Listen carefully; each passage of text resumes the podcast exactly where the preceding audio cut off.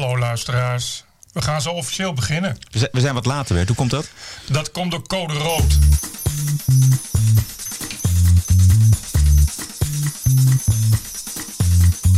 This is the TPO podcast. Ranting and Reason. With Bert Brusson and Roderick Phalo. Antisemitisme tiert welig in Europa, behalve in Nederland. Televisieseries van vroeger mogen niet meer. Het Twittergevecht tussen GroenLinks-spindokter Sieben Kooistra en columnisten van Verdorven Rechts. En de prijs voor het meest hypocriete gesprek van 2017 gaat naar... Je moet niet iets doen waarvan duidelijk is dat de ander dat niet wil. Aflevering nummer 45. This is the TPO podcast. Zo Bert, het was met het weet je wel. Dan moet je mij wel even openzetten. Ja, eh, het is koud. Eh, en eh, code rood. Gisteren lag het 3 centimeter sneeuw.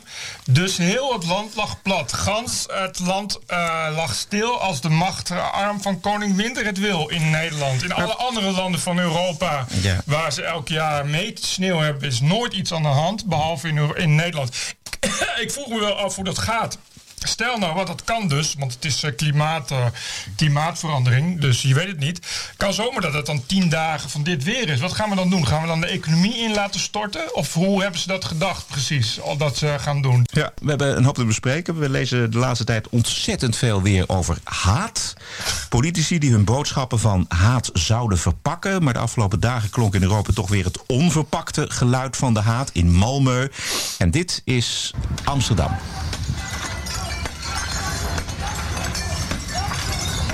Ja, dit is een Palestijn, man van 29 jaar oud met een tijdelijke verblijfsvergunning die tekeer gaat tegen het Joodse restaurant Hamel, Hakarmel moet ik zeggen in Amsterdam. En de politie kijkt wat afwachtend tot de jongen klaar is, dat is nu. Maar dat schijnt eh, helemaal niet het geval te zijn. Dit is de verklaring van de politie. En wat we zien op de beelden is op het moment dat die politieagenten ter plaatse komen, is dat ze geen contact krijgen met deze persoon. Sterker nog, op het moment dat hij contact heeft met de politieagenten, gaat hij over tot het inslaan van de ruiten van het restaurant. Juist. Ze hadden geen contact. Sterker, ze hadden wel contact. Nou, ik eh, keek de beelden en dacht van, eh, dit moet je in Texas doen of zo. Of eh, in Zuid-Spanje of gewoon in Parijs. Moet jij eens kijken wat de politie gaat doen. Ik dacht ook van, je kan die gasten gewoon in zijn knie schieten. Of een punt 50 door zijn hoofd jagen. En dan zegt de politie, ja, nee, maar we konden geen contact krijgen. Maar uiteindelijk wel. En dan denk ik van, ja, eh, eh, maar dit is toch heel raar. Dat je een politie, die moet toch ook voorkomen dat iemand je ruiten en gort slaat. Ja, dat deden ze niet, maar dit is de verklaring. Je ziet dan ook dat de politieagenten hun handschoenen gaan aantrekken. Dat ze op dat ogenblik een inschatting maken van hoe gaan we met deze man om. Hij gaat dan op een gegeven moment binnen. Zij hebben dan al afgesproken wie op wat moment gaat doen. Dan op het moment dat die man naar buiten komt, wordt er pepperspray gebruikt. De ene agent leidt hem af, de andere agent trekt hem onmiddellijk op de grond. Dat is een moment waarop de collega's gewacht hebben om dat veilig te kunnen doen. Niet alleen voor zichzelf, maar ook voor de verdachte, maar ook voor omstanders. En op dat ogenblik is de verdachte onder controle gebracht, in de handboeien geplaatst en overgebracht naar het politiebureau. Ja, zo ging het in de bange meidagen van 1940 ook. We gaan eerst onze handschoenen aantrekken en dan kijken of we op een veilige positie ergens ons kunnen wegtrekken. En misschien als de Duitsers komen kunnen we de boel onder water zetten, mits ze niet met vliegtuigen en parachutisten komen. Ik vind het heel Hollands allemaal. Ja. Goed, de man is inmiddels alweer op vrije voeten. Eh, hij moet Ja. wel, geloof ik, 20 januari moet hij voorkomen. Of was het 20 december? Hij had gezegd dat het geen, eh, het was geen antisemitisme. Ja, precies. Daar moeten we het eventjes over hebben. Ehm. Het, gaat, het, het gaat om een man met een tijdelijke verblijfsstatus. Dat betekent dat alle zeilen moeten worden bijgezet om nog in aanmerking te komen voor een permanente verblijfsstatus.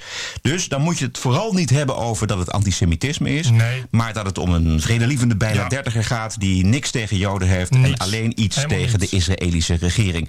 Zijn advocaat heet Willem van Vliet en die formuleert het zo. Mijn cliënt heeft gisteren heel duidelijk bij de politie afstand genomen van eh, anti-Semitische gevoelens.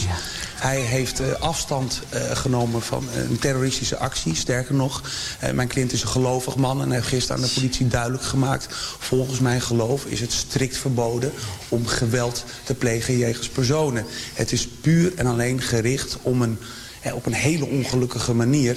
Eh, maar dat zijn vaak wanhoopsacties om een statement te maken naar het huidige beleid van de Israëlische regering.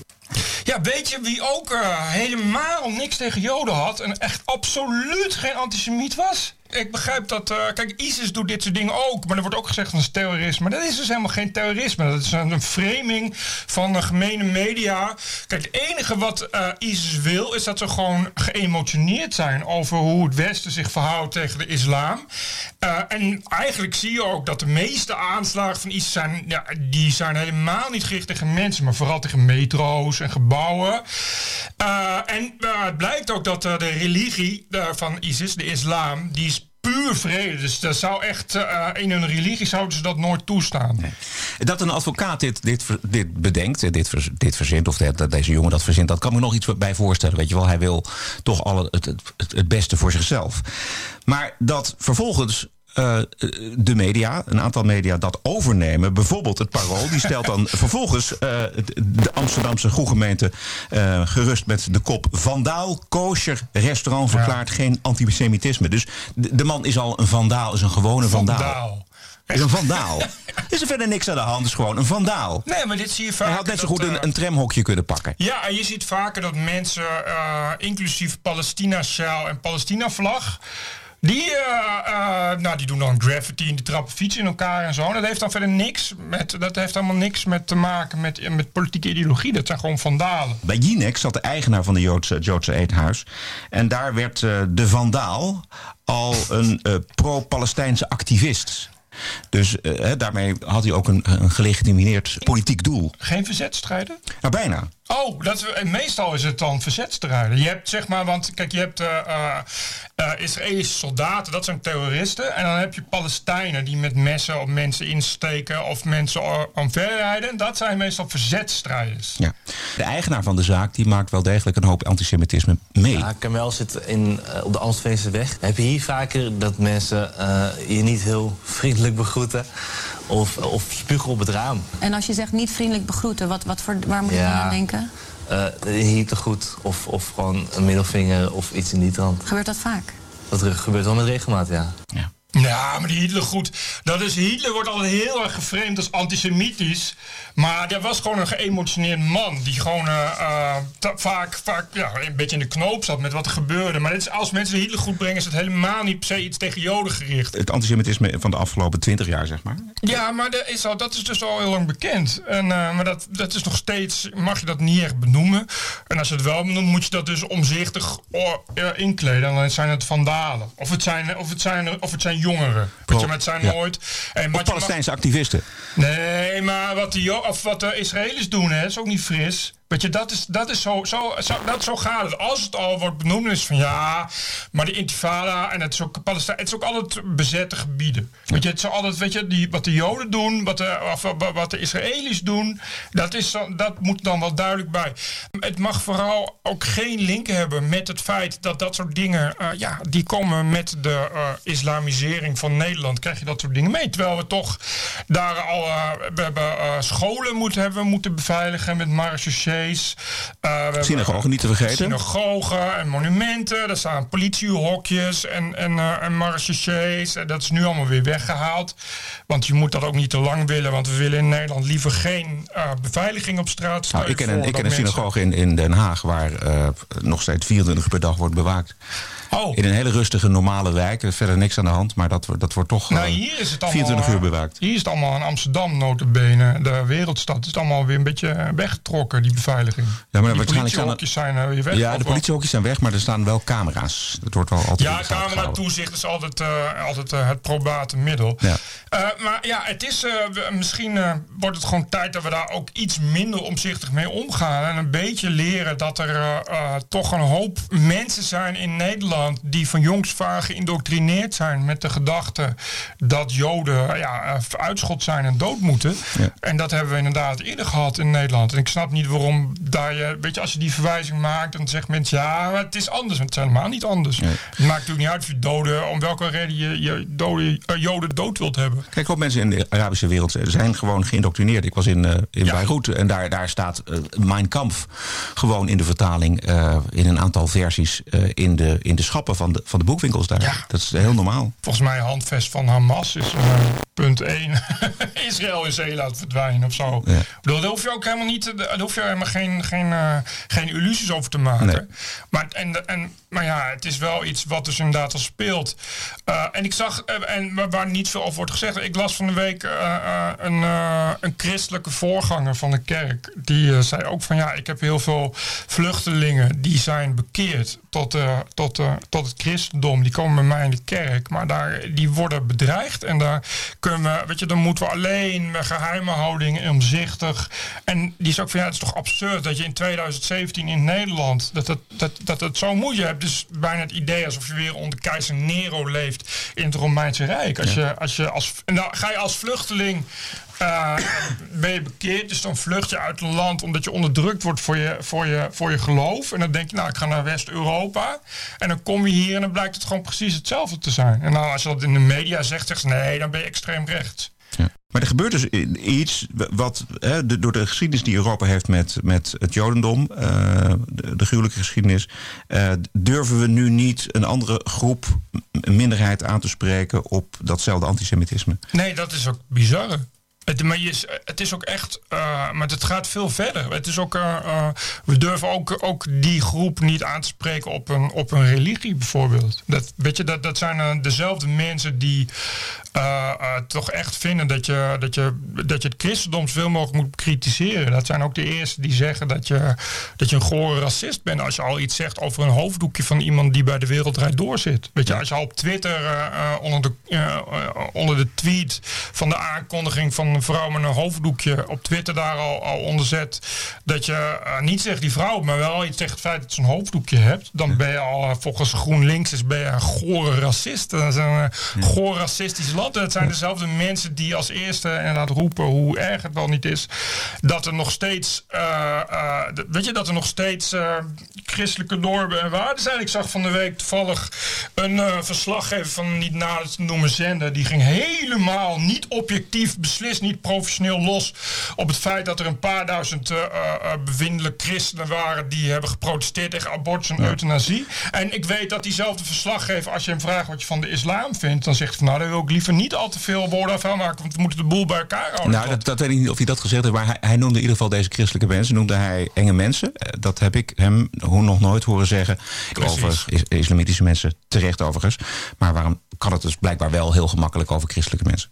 Ja, nee, dat, maar dat is dus wat ik bedoel. En eh, overigens zie je ook dat deze man is aangehouden, is nu weer vrij. Eh, eh, Welke? ik- nou, die, die, die Palestijn, Ja. de, de vandaal. De activist? De, de, De vandaal. De, i- iets wat, Vandaal slash iets wat activist. geëmotioneerde, kwetsbare jongeman. kwetsbaar, Die, eh, eh, ik ben heel benieuwd, want we hebben wel eh, mensen die dingen hebben gedaan tegen een moskee.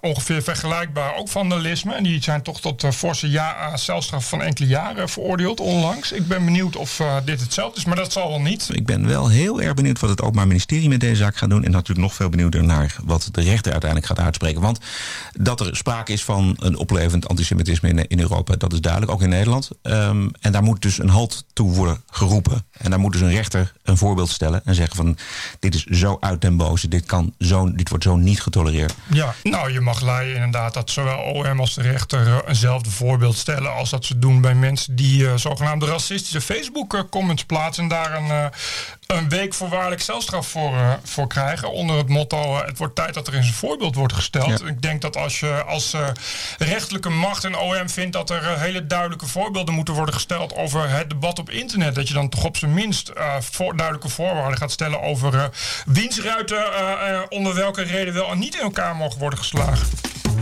TPO Podcast. Goed, dan een heel ander onderwerp. De televisie, althans Netflix. Wie kijkt er nog televisie? Eh, nou, toch nog een hoop mensen, maar Nou, Netflix steeds meer. Gisteren 3 miljoen mensen naar het Nostaatsjournaal. Ja? Want het eh, sneeuwde. Dus, en dan gaat, Zitten we allemaal thuis bij de buis? Ja, en ook, eh, ook anderhalf miljoen mensen voor eh, RTL Nieuws. Wat toch heel veel is voor RTL Nieuws. Dus ja, dat is iedereen... Sneeuwde het maar de hele, het hele jaar. Nou, sneeuwde het maar het hele jaar, zei de NPO. Dus als je, als je, maar dat zijn toch denk ik, ja, dat is het maximale aantal van bejaarden, wat dan massaal op één zender afstemt. Laten we het hebben over, over Netflix, want de serie Friends keert terug bij Netflix. Maar NRC Handelsblad schrijft dat de serie echt niet meer van deze tijd is. Zij citeren een Amerikaanse feministe die de serie te wit, te seksistisch en onvriendelijk vindt richting de non-hetero's. Rewatching episodes, I noticed that just the word lesbian is always just a laugh line. Like all they have to do is say lesbian and everyone cracks up. And you never knew she was a lesbian.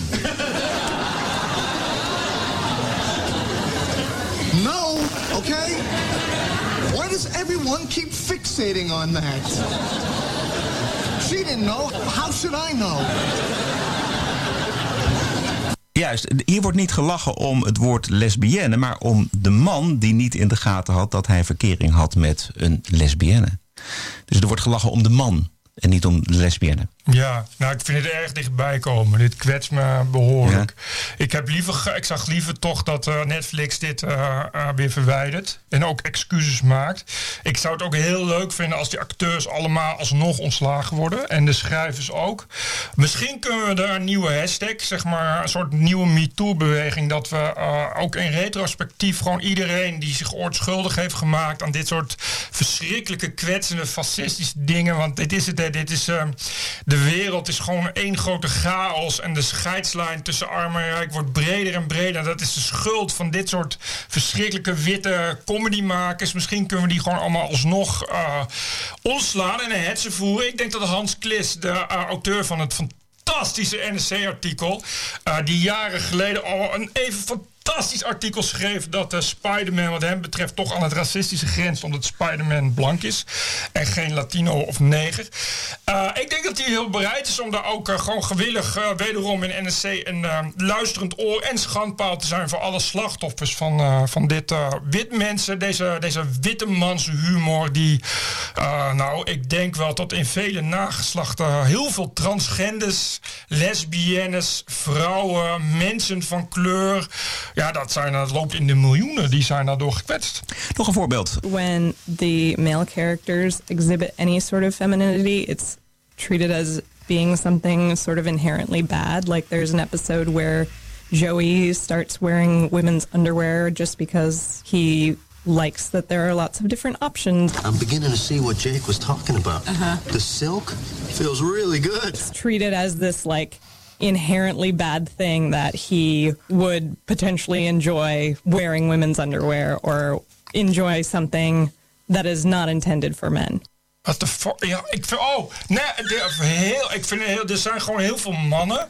Uh, die uh, ofwel nog niet helemaal zeker zijn welke gender ze hebben. ofwel gewoon van uh, zijde ondergoed houden. Dit is gewoon een beetje. Dit is echt laf en, laf en laag. om daar op zo'n manier. met van die verhulde ironie. Hè, die, die, die manier. Die, dat ironie is sowieso iets wat we niet moeten willen. Dat is toch een manier om mensen te kwetsen. en dan daarna te zeggen. ja, maar het was een grapje bedoeld. Ah, die grappen, jongen. Die humor is zo afschuwelijk. Daar van, moeten we gewoon een keer van, vanaf. Uh, vreselijk. Ik vind het echt vreselijk. Dit is echt, dit is gewoon, uh, ja, toch een soort van stille genocide die er wordt gepleegd op de gevoelens van kwetsbare mensen. Die terwijl, weet je, dit staat gewoon openlijk op Netflix. Maar Bert, hoe, als de gedachten er ontspringen aan mensen, dan gaan ze uiteindelijk ook daar een televisieserie van maken. Hoe kunnen we nou de gedachten van mensen zo beïnvloeden dat ze dus niet meer op dit soort vreselijke humor komen? Nou, om te beginnen moeten we dan uh, de taal aanpassen. Het, uh, het beste oh. is het dan om een nieuwspraakwoordenboek te bedenken met zo min mogelijk woorden. Zodat veel meer woorden ook een dubbele betekenis hebben. Maar vooral, je moet vooral de woorden aanvallen. Het gaat ook echt om de boodschappen. Oké, okay, maar als er nou nog steeds mensen bestaan die moeten lachen om het woord lesbienne. Hoe, hoe gaan we dan een ander woord bedenken voor lesbienne?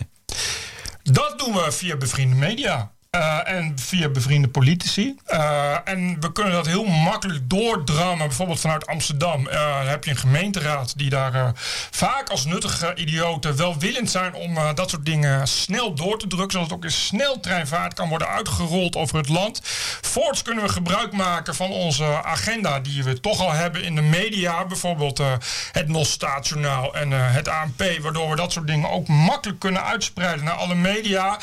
En natuurlijk mensen die daar klachten over hebben, zetten we weg als racist en fascist. Want het kan niet zo zijn uh, dat je kritiek gaat hebben over dit soort dingen. Terwijl, wat is nou voor moeite om gewoon op te houden met lachen Ja. over mensen met gebreken? Waarom zou je, waarom zou je überhaupt willen lachen hè, om het feit dat er mannen bestaan die het gewoon leuk vinden om een zijde, eh, zijde slipje te dragen? Ja, moeilijk te controleren hoor, dit, dit eh, verhaal van jou. Volgens mij moeten we gewoon de humor afschaffen. Dat sowieso. Ik vind ook dat je uiteindelijk... eh, je kan dat eerst nog vrijelijk mee experimenteren. Je kan ook proberen hè, om mensen hun vals bewustzijn te bevrijden. En dat doe je dus een beetje door de taal te kapen, het debat te kapen. Mhm. En dat onophoudelijk. Maar er zit wel een grens aan. Op een gegeven moment moet je ook zeggen van... Nou ja, kijk mensen, als jullie nu niet willen luisteren, dan...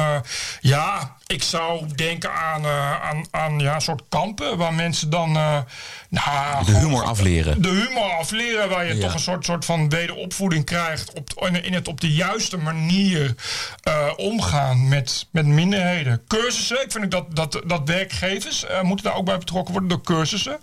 Scholen, universiteiten, daar moeten ook veel cursussen worden gegeven. Want je, wat je ziet hè, is dat mensen vaak dit soort grappen maken vanuit een, vanuit een onbewuste vorm van haat en racisme. Er zit vaak een microagressie in, terwijl ze dat zelf niet eens door. Omdat ze zich vaak ook niet bewust zijn van hun eigen privilege. Juist. En van hun eigen agency. En dat moet je mensen dan ook afleren. Dus het is heel goed als je mensen van tevoren al, al begint met, eh, met dat aanleren. En wat ook heel belangrijk is, is dat je trigger warnings plaatst.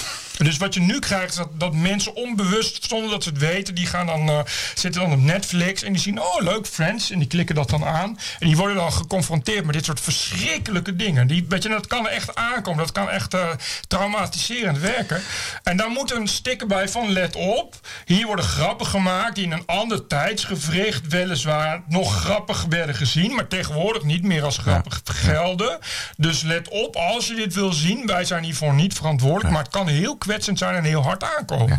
Wat jammer eigenlijk dat, dat Netflix geen eh, adverteerders heeft. Hè? Da- want dan kun je die adverteerders nog bestoken. En dan kun je Netflix dwingen om dit soort series niet meer uit te zenden. Dat zou heel goed zijn, want dat schijnt heel, meestal heel goed te werken. Je kan dan met hashtags gaan werken en die adverteerders direct aanschrijven van... hé, hey, eh, Kruidvat.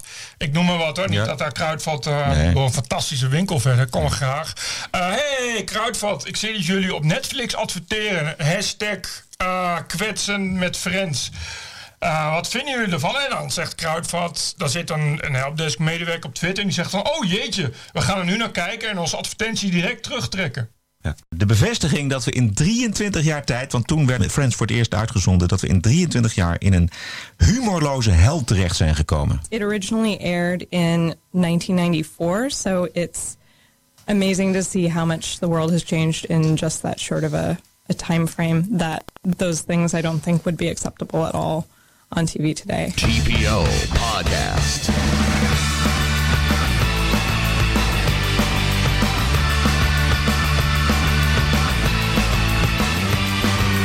Ranting and Reason. Eh, smakelijke Twitteroorlog eh, tussen columnist Arthur van Amerongen en GroenLinks-spindokter Sibren Kooistra. Arthur die schrijft, vind ik zelf, hele grappige columns voor HP De Tijd en de Volkskrant. En Sibren die was journalist bij die Volkskrant en claimt nu als campagneleider het verkiezingssucces van, eh, van GroenLinks. En daar zit wel wat in, daar horen we straks meer over. Eerst de ruzie, Bert. Dat rommelt al enige tijd tussen die twee volgens mij. Eh, weet ik niet. Ik ja, weet van, niet. van deze zomer heeft, of in september heeft eh, Van Amerongen een, een heel uh, vilijn stuk geschreven uh, over GroenLinks. En dat viel niet in goede aarde bij nee, maar ik ken die Sieber een beetje. Ik heb hem ook wel eens een paar keer ontmoet. Uh, maar de dingen vallen niet zo heel snel in goede aarde bij Sieberen. En al helemaal niet als het dingen zijn die niet uh, volgens zijn wereldbeeld zijn. Maar ik weet niet of de, of de, uh, de al heel lang loopt. Want volgens mij heeft ook Art van Amerongen niet per se over Sieberen geschreven. Maar dat gewoon zijn standaard, zijn standaard poep- en plassen grappen. Die, ik vind ze ook heel grappig hoor. Dat, ik denk dat Art van Amerongen ook gewoon alle seizoenen van Friends uit zijn hoofd kent. Uh, en, en op de een of andere manier dat aangehaakt bij Sibren, die gewoon elke dag wel iets op aanhaakt. Daar, ja. Die is wel over elke dag wel iets uh, fascistisch boos over. Maar ik weet niet of er specifiek een aanleiding voor was.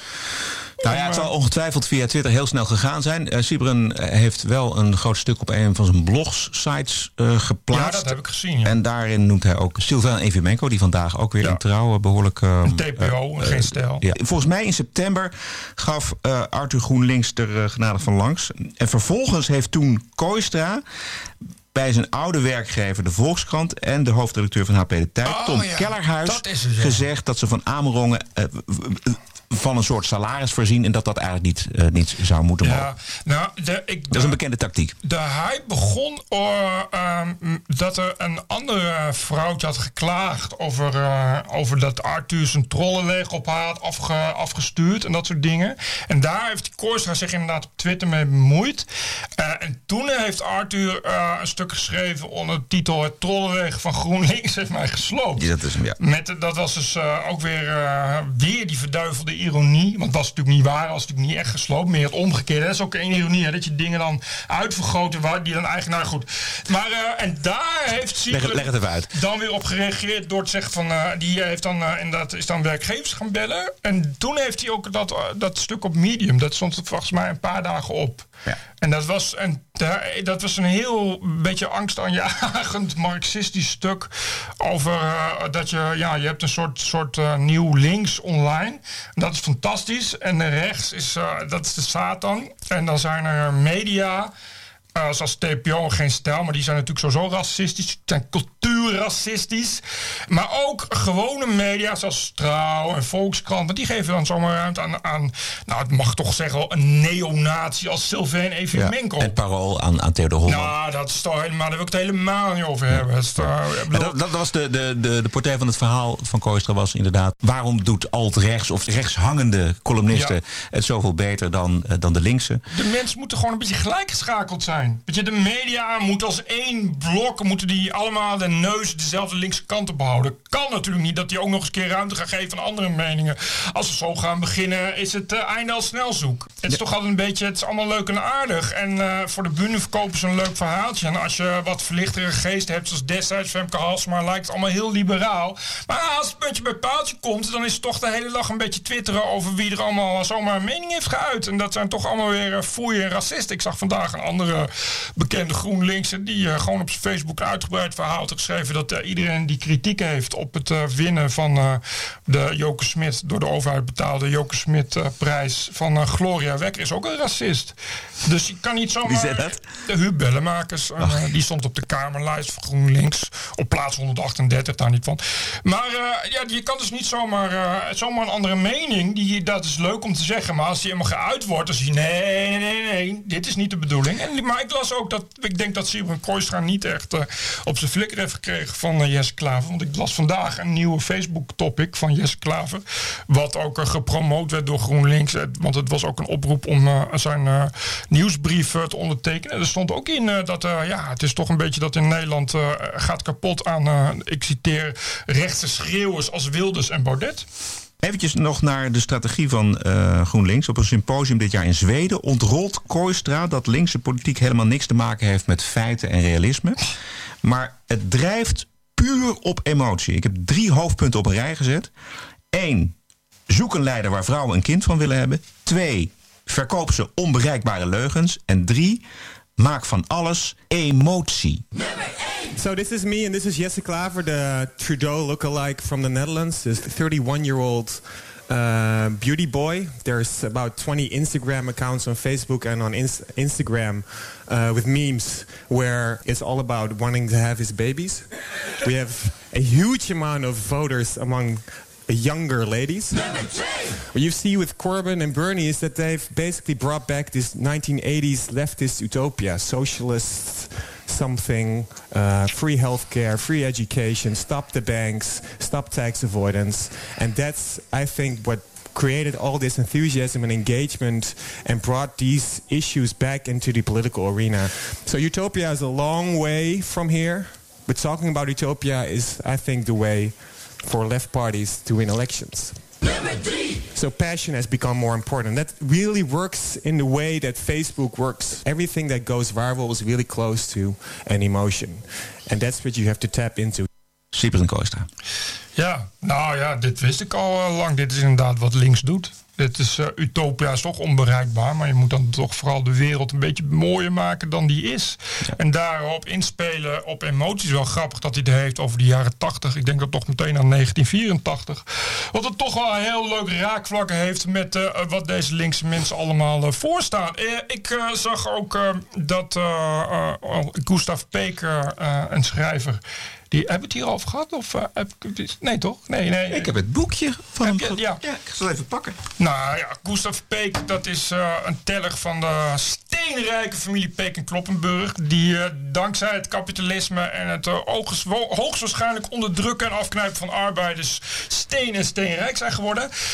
Gustav Peek is dus financieel onafhankelijk vanaf zijn geboorte. En daar heeft hij geen enkele moeite mee, zegt hij zelf. Want het, hij zegt dat het hem juist de mogelijkheid heeft gegeven om over belangrijke zaken des levens na te denken. Hij, is, vindt bovendien eh, het financieel onafhankelijk zijn een eh, pleidooi voor een eh, basisinkomen. Want als iedereen financieel onafhankelijk kan zijn, dan kunnen ze allemaal zulke mooie dingen doen als Gustav Peek. Bijvoorbeeld een eh, boekje schrijven waarin je nogmaals een keer het eh, aan 100 miljoen mensen het leven kostende communisme ophevelt onder de titel Verzet uitroepteken pleidooi voor communisme. Uitgeverij Querido. Nog een pamflet bij, is het. Het is net zo dun als eh, de- eh, in de tijd het pamflet... het communistisch manifest van eh, Karl Marx en Friedrich Engels. Op de achterflap staat ook eh, heel mooi. Dat begint met van ja, we denken bij het communisme wel aan, eh aan uh, en Stasi. Maar er zijn ook zoveel mooie dingen onder het communisme. Nou, nou ken ik toevallig een ideologie waar mensen de hele tijd aan vreselijke dingen denken. Maar die heeft ook heel veel mooie dingen eh, voortgebracht. Maar als ik daar dan een boekje over wil publiceren, is er geen uitgever te vinden. Ik vind Nee. dat zo raar. Nee, dat denk ik ook niet. Terwijl dat nog, nog, nog geen eens 100 miljoen doden heeft gekost. In dit pamflet pleit Gustav Peek voor eh, een van de nog altijd controversiële ideeën van Karl Marx: de rechtvaardige herverdeling van kennis, macht en inkomen. Het communisme heeft een nieuwe poging te goed. Dat is trouwens een hele kapitalistische eh, term. Een poging te goed hebben. Een revolutie in de richting van een natuurlijker menselijk verbond met een betere wereld. Tot slot, een zeldzaam hypocriet gesprek op de website joop.nl. Hoofdredacteur Francisco van Jolen praat met zijn redacteur Hasna El Maroudi over de MeToo-beweging. Door Time Magazine gekozen als meest invloedrijke personen van het jaar. Dat de kwestie van eh, seksueel geweld tegen vrouwen serieuzer genomen wordt en echt erkend wordt. Eh, niet meer afgedaan wordt. Ehm, ook zo in de wandelgangen niet, maar ook ehm, in de media niet als aanstelleritis van de vrouw. Want dat is, voorheen werd dat wel vaker een beetje zo weggewuifd van ja, was het niet gewoon een grapje. Ehm, en je merkt dat Doe niet zo moeilijk. Doe niet zo moeilijk. Hier spreekt een ervaringsdeskundige. Dat kun je Ja. Doe niet zo moeilijk. Laat me dan gewoon even mijn tong in je strot duwen. En in mijn witte ondergoed bovenop je gaan liggen, mens. Het interessante, het interessante van dit gesprek was natuurlijk dat het, het wachten was natuurlijk op het moment dat Van Jolen zelf ter sprake komt. de MeToo-beweging. Ik dacht ook van, nou, dat vind ik dus goed. Hè. Eh, ik, ik ben een groot voorstander van de MeToo-beweging. Ik vind het goed dat het eh, ter sprake komt. Ehm, wat mij trouwens opvalt, want we nu, je had nu wel het voorbeeld, we hebben het voorbeeld van Maan. We hebben het eh, voorbeeld van eh, eh, Herman Hofman. Die vertelde over wat zijn vriend, eh, vriendin overkomen is. Maar de MeToo-beweging in Nederland blijft toch een beetje achter. Ik zag een overzicht in de Volkskrant staan... naar aanleiding van het toekennen van de Person of the Year. En dan, ja, je hebt die twee mensen van die eh, theaterschool... eh, die, daar is, maar dat waren zaken die eigenlijk al oud waren. Eh, je- Jelle Brand Korsius, waarvan helemaal onduidelijk is of dat wel MeToo is, ja of nee. Van Jolen. We hebben de, eh, Job Goschalk. Eh, je hoeft niet heel erg veel terug te gaan. Ik ga geen namen noemen. Van Jolen. Maar in de krantenarchieven. Ja. Om te denken van, hé, wacht even. Dat was toch wel een beetje raar. We kunnen die namen noemen. En Van als je die namen noemt... Van Jolen. Ja, natuurlijk. Hallo? Van Jolen? Niemand? Iemand? Hallo? Maar wacht even, wacht even. We zijn er nog niet, Bert. Want het is een gesprek van een half uur, dus er is nog kans genoeg. Bijvoorbeeld als het gaat over mannen die zich opdringen aan vrouwen... en denken dat vrouwen dat oké vinden. Het hele idee wat erachter zit van seksualiteit is niet oké. Hè, dat jij eh, seks hebt met iemand die dat eigenlijk niet wil. Dat is niet oké. Dat is geen. Dat, welke gek bedenkt dat dat, dat oké is? Van Jolen. Van Jolen schijnt eh, te denken dat het oké is dat als een eh, meisje dronken is en eh, Van Jolen zelf vindt dat er dan geflirt wordt, dat je dan je tong in een strot kan douwen, dat je dan haar kan meetrekken naar je hotelkamer en dan in je ondergoed op haar kan gaan liggen. Dus kennelijk zijn er mensen als Van Jolen die dat allemaal heel erg oké vinden. Er is nog één kans. Er wordt namelijk een voorbeeld genoemd, een voorbeeld op televisie, 1990. Sonja Barend wordt echt vol op de mond gezoend door beginnend cabaretier Wilfried de Jong. Wilfried de Jong die zoende daarbij ehm, Sonja Barend onverwacht vol op de bek. Het duwde zijn tong erin. Ehm, dat was ook toen ook het gesprek van de dag. Denk je dat je er nu nog mee weg zou komen? Bij mij in ieder geval niet. Dat je in een half uur tijd eh, een gesprek over dit onderwerp jezelf niet één keer noemt of ter is- sprake bent. Het is, dit is echt totale Twilight Zone. Dit is zo eh, absurd hypocriet. Daar is, heeft echt niemand woorden voor. Ik voel me bijna voel ik mij seksueel misbruikt. Alsof iemand mij in de ballen heeft gegrepen. Ik begrijp ook niet waarom die redactrice daar niet over begint. Maar die Hasna? Ja. Ja, houd toch op man. Dat zijn, dat zijn mensen die, die, eh, die eh, willen alleen anderen aan de schandpad nagelen. Maar in hun eigen fijne blije bubbel is het allemaal perfect en oké. Bedoel, dat gaan die mensen nooit doen. Want dan, eh, ja, dan speel je alleen maar eh, rechtse media in de kaart. Dus dat gaan we, dat maar gaan hoe we kunnen doen. mensen nou bedenken dat, eh, dat het publiek wat dit luistert... dat niet één keer denkt van... hé, hey, wanneer komt Van Jolen zelf te sprake? Nou, als je een plaat voor je kop hebt die zes meter dik is, is dat geen enkel probleem. We zijn er eh, zo'n beetje doorheen, Bert. Heb jij nog Ja. Die, eh, nee. per Nou se ja, wil- wel allemaal dingen, maar goed. Alhoewel, heel even, even, heb je gezien op, op Geen Stijl over dat, eh, dat item in het Nationaal gisteravond, het Staatsjournaal. Er zijn dus allemaal Michelin's tegen uitgedeeld in Nederland. Oh, dat, dat sla ik altijd over, want het interesseert me helemaal niks. Nee, nee, maar luister. Er zijn dus, dus, dus dan doe je dat als Nationaal, maak je dan een item van, weet je wat ze hadden? Ja. Ze hadden een item over, eh, niet over dus de restaurants die de Michelinsterren kregen, over Arabische restaurants. Waarom die nooit de ster krijgen. Echt waar? Serieus. Je moet het zo even teruglezen op geen stijl. Maar het was echt zo echt. Die propaganda wordt steeds bizarder. En eh, ik geloof dat het Centgraaf eh, was. Die schreef heel goed van. In plaats van dat de, dat de NOS een gewoon een descriptief item, nieuwsitem maakt, maken ze gewoon een normatief item. Er Ja. kwamen gewoon allemaal eh, ja, Marokkaanse koks en zo kwam in beeld. En zeiden ja, waarom krijgen wij nooit een Michelin? Ik weet hoe dat gaat op zo'n redactie. Dan zegt iemand van ja, moeten we dan wel die, eh, die eh, rijke luis eh, restaurants gaan, gaan coveren? Moeten we daar een verhaal over maken? Nou, laat een leuke insteek verzinnen.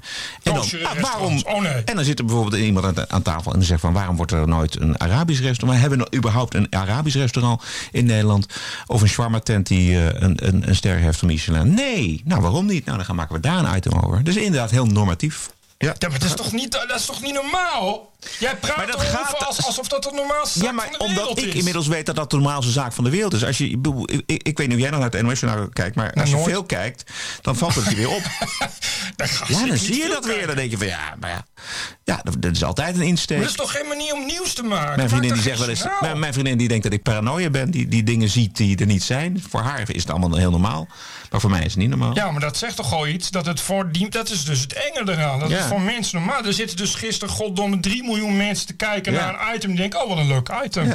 Waarom zijn er eigenlijk geen, eh, geen islamitische restaurants met sterren? Nou, daar kunnen ze makkelijk zelf verder denken. Waar zou dat nou toch eens aan liggen? Terwijl het gewoon niet eens... Het, het item gaat niet. Het item is gewoon dat er, dat er sterren zijn uitgedeeld. Ofwel je zegt dat er zijn sterren uitgedeeld. En wel hier en daar. Wat overigens een heel mooi item kan zijn. Want het is heel succesvol zijn in Nederland erin. Niet alleen Frankrijk, maar ook Nederlandse topkoks. Die 120 uur per week werken, krijgen sterren. Hoera, succes en winst. Maar dat mag dus niet internationaal. Prima, dan schiet je het af. Maar je hebt maar 20 minuten. En er zijn nog allemaal andere dingen waar je het over wil hebben. Dus dat is dat prima. Maar dan ga je toch niet zeggen van... Oh, dan nemen we een item van 3,5 minuut. Waarin we gaan vertellen dat, het, dat er nog geen islamitische restaurants in Nederland zijn die geen sterren hebben. Heb je dan nog gezien van de week dat GroenLinks had een voorstel ingediend om de NPO wat transparanter te maken? Toen heeft vervolgens die Bos Arkela, die, eh, die Julia Rijksman van de NPO, die, eh, de, de baas van het NPO Politbureau, heeft persoonlijk gebeld met die Lisa Westerveld van, van GroenLinks om daar eens even over te babbelen. En voilà, pats! Weer van de agenda af. GroenLinks gaat het toch maar niet doen. En dan zegt er niemand van, goh, wat raar, gewoon niks, nul, pats, gewoon oké.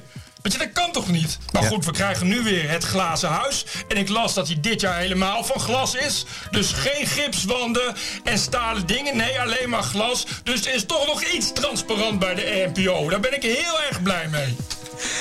Tot zover aflevering nummer 45. Eh, Wilt u ons ondersteunen in dit nobele werk... eh, waar wij onze tijd en liefde aan eh, besteden met heel veel plezier? Dit is het geluid dat u kunt ondersteunen via de website tpo.nl slash podcast. Heb een mooie week en tot de volgende. Maar je kunt ook doneren aan het Glazen Huis natuurlijk. TPO Podcast. Bert Bruson, Roderick Balo, Ranting and Reason. Er zat toch nog wat, hè?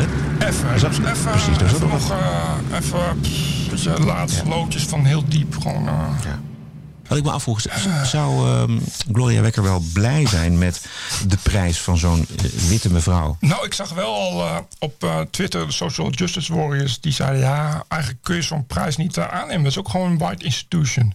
Dus, dat, dus als, als, ook, als zwarte zo'n prijs aannemen van zo'n wit instituut... is ook racisme natuurlijk. Je erkent dat, dat wit het voortouw heeft genomen. Dat erken je daarmee. Ja, dus dat is toch, weet je, dat is een soort zelfracisme is dat. ja. Dat Dat is is een mooi. soort, een soort eh, Dus we hebben, oh, dat is mooi. We hebben cultuurracisme, we hebben Ja, zelfracisme. zelfracisme. Misschien ben ik ook wel een social justice warrior.